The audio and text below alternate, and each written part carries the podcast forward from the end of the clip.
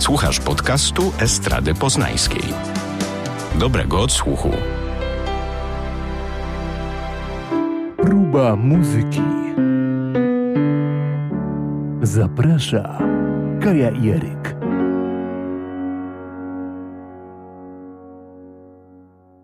Próba muzyki, 15 odsłona. Zaczynamy! Powiedziałeś to tak, jakbyś zajawkę nagrywał. Czasem trzeba zajawić się, aby dobrze wejść w temat. No nie wiem właśnie, jak mam się w tym temacie odnaleźć. E, spróbuję może tak, że dzisiaj będzie trochę inaczej niż zazwyczaj e, było do tej pory, e, ponieważ wzięliśmy na tapetę muzykę, która jest dużo, dużo mniej popularna niż to, co prezentowaliśmy i o czym rozmawialiśmy wcześniej. Będzie dużo soulu. Ale mówisz soulu w sensie duszy czy, czy rodzaju muzyki? Rodzaju muzyki. Jedna z naszych bohaterek dużo w tej materii zdziałała. Tak, ale ja bym w sumie tak y, do samego soulu jej y, nie wrzucała i nie szufladkowała tylko i wyłącznie w tym rodzaju muzyki, ponieważ y, tak jak próbowałam słuchać, to dużo, dużo jest też tam innych naleciałości. Ale właściwie chciałam zacząć od tego, że zastanawiam się zawsze w takiej sytuacji nad tym, dlaczego właśnie artyści, którzy robią tak fajną muzykę, nie są aż tak popularni, mimo tego, że współpracują z artystami z podobnym zapatrywaniem się na muzykę. Mm, I może o tym dzisiaj trochę tak też przy okazji. No i mieliśmy też szukać e, podobieństw między tymi dwoma paniami, e, czyli Emily King i Jebbą.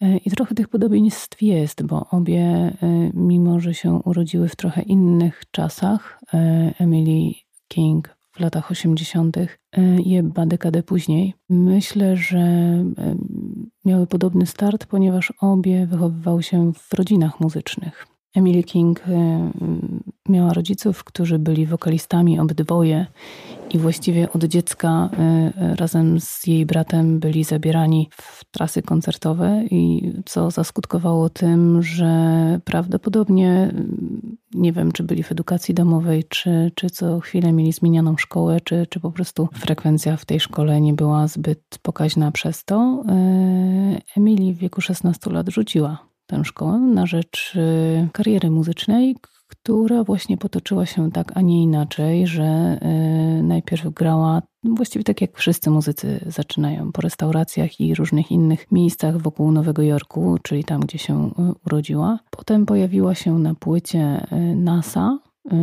Później podpisała kontrakt i wydała w 2007 roku swój pierwszy album, który od razu został nominowany do nagrody Grammy w kategorii Best Contemporary RB Album.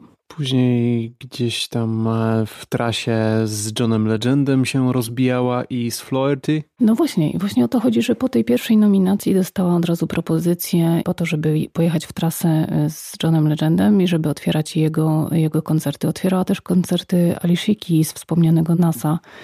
Ricky Badu. Chucky Khan. Chucky Khan, a później jeszcze również Maroon 5. I co zasługuje na wielki szacunek, w 2011 sama nagrała sobie epkę w domu i wydała ją. No i wydawać by się mogło, że właściwie ma wszystko. Ma talent, przede wszystkim ma głos. Skille produkcyjne, żeby samemu sobie poradzić z całą akcją nagraniowo-miksowo-masterową. Tak. To też, też z mojej strony budzi duży respekt. No i właśnie mm, tak, ponieważ w tym momencie jest zupełnie niezależna. Pochodzi też z, z muzycznej rodziny, więc właściwie od dziecka wie, z czym się to wiąże, wie, jak wygląda e, koncertowanie i życie muzyka. A mimo wszystko zawrotnej kariery nie zrobiła. Aczkolwiek gdzieś tam e, posypały się zaproszenia do współprac e, przeróżnych kolaboracji naszych ulubionych muzycznych, na przykład z Emily Sandé, mm, na przykład, co zwłaszcza zasługuje na tym bardziej naszą uwagę, czyli kolaboracja z Jose Jamesem na doskonałym i w mojej opinii najlepszym albumie jego dotychczasowym, czyli No Beginning, No End w 2013 roku. Tam pojawiła się mm, w utworach Heaven on the Ground i w akustycznej wersji Come to My Door. No ale tak czy siak, y, nadal y, Emily King jest artystką, która y, ma już na swoim koncie cztery bodajże albumy studyjne. Właśnie takie współprace, o którym wspomniałeś, również z Jose Jamesem i otwieranie koncertów tych wszystkich artystów doskonałych, a mimo wszystko to ona otwiera te koncerty, a nie, że ktoś otwiera koncerty przed nią. I teraz właśnie się zaczęłam zastanawiać, o co chodzi w momencie, kiedy postanowiłam odsłuchać jej dysko dyskografię. I powiem Tobie szczerze, że jak odsłuchiwałam pierwszych singli, pierwszych numerów, słysząc ją w ogóle po raz pierwszy, to sobie pomyślałam: jejku, jaka fajna dziewczyna. Jaki, jaki piękny głos, jak, jak fajnie prowadzi melodię, jak, jak fajnie, że właśnie jest taka soulowa. Miejscami trochę tam też country się wybija. Ale nie tylko. Właściwie to jest takie bardzo, bardzo delikatne w jej twórczości. Najwięcej tam jest rzeczywiście RB i soulu. Tylko jak później włączyłam sobie całe płyty w całości, to się okazało, że one są takie troszeczkę monotonne. Czyli co, jak oddechy do dechy słuchasz, to jednak na dłuższą metę nuży, tak? Tak, męczysz się tym materiałem mhm. na dłuższą metę i tak się zastanawiam, czy to może być właśnie to, że, że, że nie, nie zrobiła tej e, dużej kariery, ale z drugiej strony. No może hitmakera nie miała takiego, wiesz, przeboju, którym by wdarła się w e, świat szeroko pojętego show biznesu. Też właśnie takiego hita, no hit właśnie. Jak, jakby tutaj w ogóle e, sprecyzować słowo hit, no hitu na, na miarę hitów Adele to na pewno tam nie, nie ma, ale są właśnie takie bardzo miłe soulowe piosenki, które jak słyszysz je jedną bądź dwie, to właśnie się wydają bardzo takie fajne, a potem jak odsłuchujesz całą płytę, to, to zaczynasz mieć powoli dosyć, że, że dobra już... Do... Że co, że wszystko na jedno kopyto, czy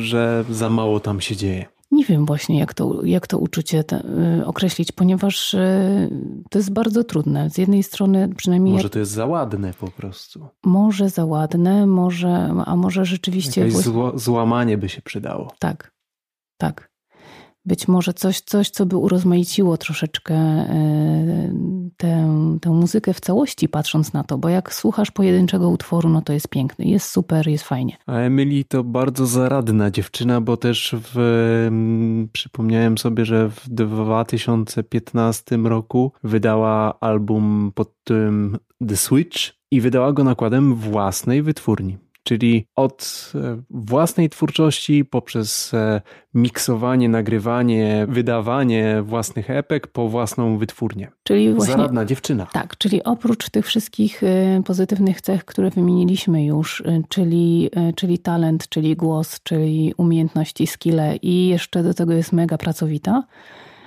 i wszystko to się właśnie nie, nie, nie składa na, to, na, to, na ten wielki sukces, który mogłaby odnieść. Ale Potem zaczęłam sobie myśleć, że to jest być może wina tego, że pomimo tego, że jest piękną kobietą i, i można by było y, w bardzo przyjemny sposób patrzeć na nią, y, podziwiając y, też sztukę teledysku, tych teledysków jest bardzo mało.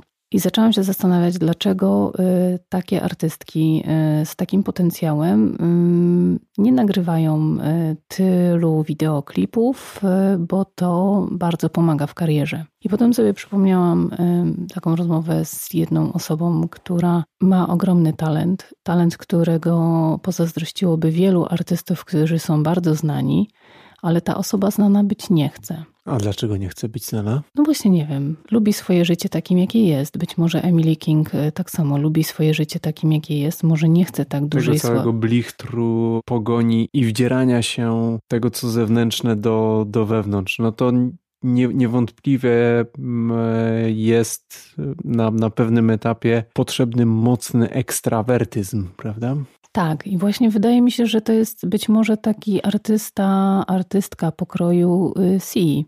Sia jest też, też artystą, który właściwie y, zdobył ogromną popularność na całym świecie. Y, wydaje mi się, że zupełnie przypadkiem, ponieważ tam no, historia tej artystki jest taka, że ona śpiewała w zespole Zero Seven.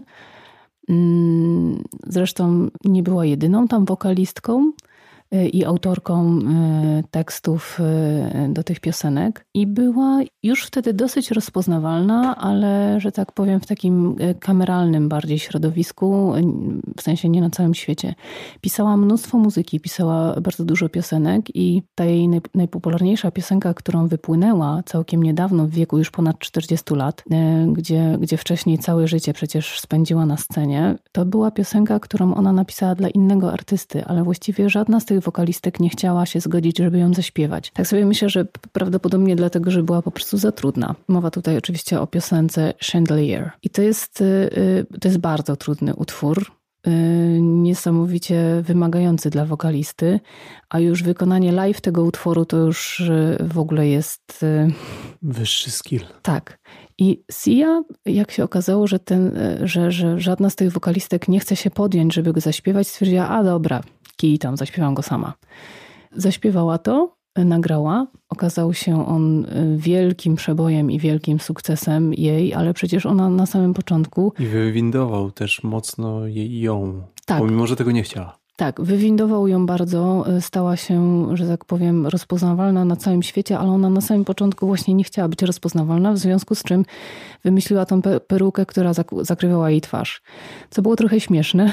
Tak, to tak, tak jak Daft Punk mają te kaski, tak ona miała kask z peruki. Tak, ona, ona miała perukę i, ale właściwie pseudonimu nie zmieniła, więc w sumie nie wiem po co to było, ponieważ wystarczyło wpisać Sia y, w wyszukiwarkę i, i każdy mógł sobie znaleźć, że to jest wokalistka Zero Seven i że i tę całą jej wcześniejszą twórczość, wszystko to, co robiła wcześniej y, i tam widać jej twarz, więc i tak wszyscy wiedzieli, że to jest ona. Ale przecież nawet w teledysku, y, nagrała teledysk, gdzie ona się w ogóle nie pojawia. W tym pierwszym teledysku, który też był bardzo kontrowersyjny, pojawia się bodajże dwunastoletnia chyba 12 lat miała ta dziewczynka, tancerka, która tańczy właściwie jak osoba dorosła. I dlatego to też było takie bardzo y, kontrowersyjne, ale potem sobie pomyślałam, że być może też o to chodziło, bo i peruka jest kontrowersyjna i zwraca na siebie uwagę jeszcze bardziej. Y, I Czyli element przyciągający i podkreślający. Więc y, tak się zastanawiam, czy ona chciała się, żeby przyciągnąć do siebie uwagę, czy ją właściwie, czy wręcz odwrotnie. W każdym razie, nawet jeżeli wręcz odwrotnie, no to i tak przyciągnęła. Nie udało się. Nie, tak. Natomiast Emily King właściwie, właściwie nie nagrywa teledysków. Nagrała album y, w 2019 roku, który, tak jak mówiłam, właśnie bardzo zachęca singlami, a jak już y, słuchasz w całości, to tak nie do końca. I teraz w 2020 roku y, wydała album z akustycznymi wersjami swoich utworów. Jak? Akustyczne odsłony często potrafią wydobyć więcej. Wiesz co, może, może nie będę się wypowiadała na ten temat, bo być może muszę się jeszcze bardziej głębiej wsłuchać, bo czasami jest tak, że przysłuchasz pierwszy albo i nawet drugi raz, coś ci się nie podoba, a potem nagle odkrywasz jakieś drugie dno. Więc czekam na to drugie dno przy tym albumie. Okej, okay. my nie chcemy narzucać też wam, drodzy słuchacze, opinii. Wyróbcie ją sami. Z pewnością w playliście do podcastu znajdą się wskazówki jak do tych e, wcześniejszych, jak i tych akustycznych wersji obecnych um, utworów znaleźć wskazówkę, drogowskaz, abyście posłuchali i wyrobili sobie zdanie sami. No i przejdźmy jeszcze do Jebby, bo właściwie o niej też e, mieliśmy rozmawiać, a, a właściwie była tylko wzmianka więcej o Emily King. Teraz przyszedł na nią czas. tak jak mówiłam, e, urodziła się, urodziła się również w Stanach Zjednoczonych, e, ale dekadę później niż, niż mm, Emily. Ale chciałam tutaj poszukiwać, ponieważ złączyliśmy je razem, no to chciałam poszukiwać jakichś podobieństw, nie tylko tych związanych właśnie z, z z tym, że pochodziły obie z rodzin muzycznych, ale coś tam e, w tej ich wrażliwości i spojrzeniu na muzykę wydaje mi się bardzo e, spójne ze sobą. Natomiast Jebba, e, ona, to, Jebba to jest oczywiście pseudonim, naprawdę nazywa się Abigail. A Jebba to tak mi się tak na szybko kojarzy, że jest to miasto w Nigerii. Być może jest takie miasto, ale historia tego pseudonimu jest zupełnie inna, jest dosyć tragiczna, ponieważ ona naprawdę nazywa się Abigail Elizabeth Smith. Abigail w skrócie to jest Abby. Jeba to jest y, Abby od tyłu. Okay. Dlaczego tragiczna? Dla, dlatego tragiczna, że Jeba ogólnie jest bardzo zaangażowana w,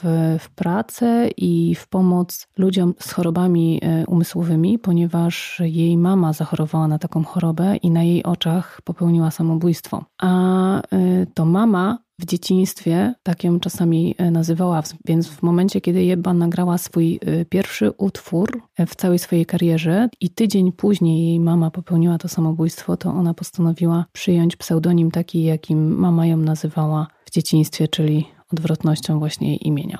Ale tutaj też z jakże pozytywnych przejawów działalności Jeby to też kolaboracje z naszymi e, muzycznymi, dobrymi znajomymi, o których wspominaliśmy, czyli jak chociażby Markiem Ronsonem, Edem Sheeranem, PJ Mortonem czy samym Smithem. I to jest właśnie też ten, e, ten aspekt, który je łączy, czyli kolaboracje z naprawdę największymi e, gwiazdami sceny muzycznej w tej chwili na świecie. E, no a mimo tego nie, nie, nie osiągnęły właśnie tej kariery. Ale Jeba nie nagrała jeszcze właściwie żadnego albumu, a my już o niej mówimy, więc coś jednak w tym jest, ponieważ te wszystkie single, które wydała również z tymi e, artystami są naprawdę przecudowne. Nie wiem jak będzie przy odsłuchiwaniu całego albumu. Być może okaże się, że będzie podobnie jak z Emily, czyli odsłuchujesz singiel i jest super, e, odsłuchujesz całego albumu i po pewnym momencie cię nuży. Natomiast powiem ci szczerze, że chociaż tutaj tutaj trzeba przyznać to Markowi Ronsonowi, że jak on stworzy numer, on po prostu też genialnie dobiera sobie wokalistów do danego numeru. Te klocki potrafi złożyć tak, że to się zgadza. Tak, zobacz z iloma on już wokalistami y, współpracował. Nie tylko żeńskimi, chociaż najczęściej żeńskimi. Ale właściwie dwóch rąk nie wystarczy, żeby, żeby wyliczyć wszystkie hity, które zrobił z różnymi właśnie artystami. Dzięki tego typu kolaboracjom właśnie. Tak, facet też jest dla mnie naprawdę dużą zagadką. Taki muzyk, tak, tak sprawnie działający, y, w sumie mógłby chociaż raz kiedyś spróbować sam zaśpiewać. Ciekawa jestem tego. Ale dobrze, zostawmy Marka Ronsona. Może wkrótce. Poczekamy, zobaczymy. Zostawmy Marka Ronsona, niech sobie tworzy, niech produkuje, niech gra, no bo tak się czasami mówi, że on jest DJ-em. To jest nieprawda, on jest również muzykiem, on również gra na instrumentach. To nie jest tak, że on po prostu stoi za dekami, skreczuje i. No jest świetnym producentem. Tak. To trzeba mieć naprawdę olbrzymi mózg muzyczny, żeby ogarnąć w tak wyjątkowy sposób różne rytmy, melodie, harmonie i tak zamieszać w tym muzycznym kotle, żeby mm, wychodziły tak fantastyczne utwory, jakie spod jego ręki, głowy i serducha wychodzą. No i producentem, i kompozytorem też przede wszystkim. E, no ale mówiliśmy, że współpracowała również z samym Smithem. U niego, z nim razem też nagrała utwór, nagrała razem utwór z Edem Sheeranem i ten utwór chyba jej e, przyniósł największą odsłuchiwalność, jeżeli można to tak nazwać, e, z wszystkich jej utworów do tej pory. Aczkolwiek ja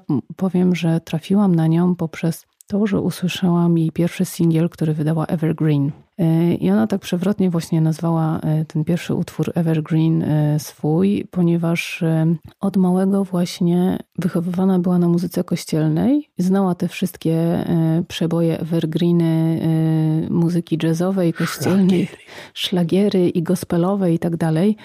I od dziecka siedziała właśnie w kościele, przysłuchiwając się całej tej muzyce, która tam się dzieje. No i, i, i pierwszy utwór nazwała Evergreen. Czyli de debiutem od razu do klasyków.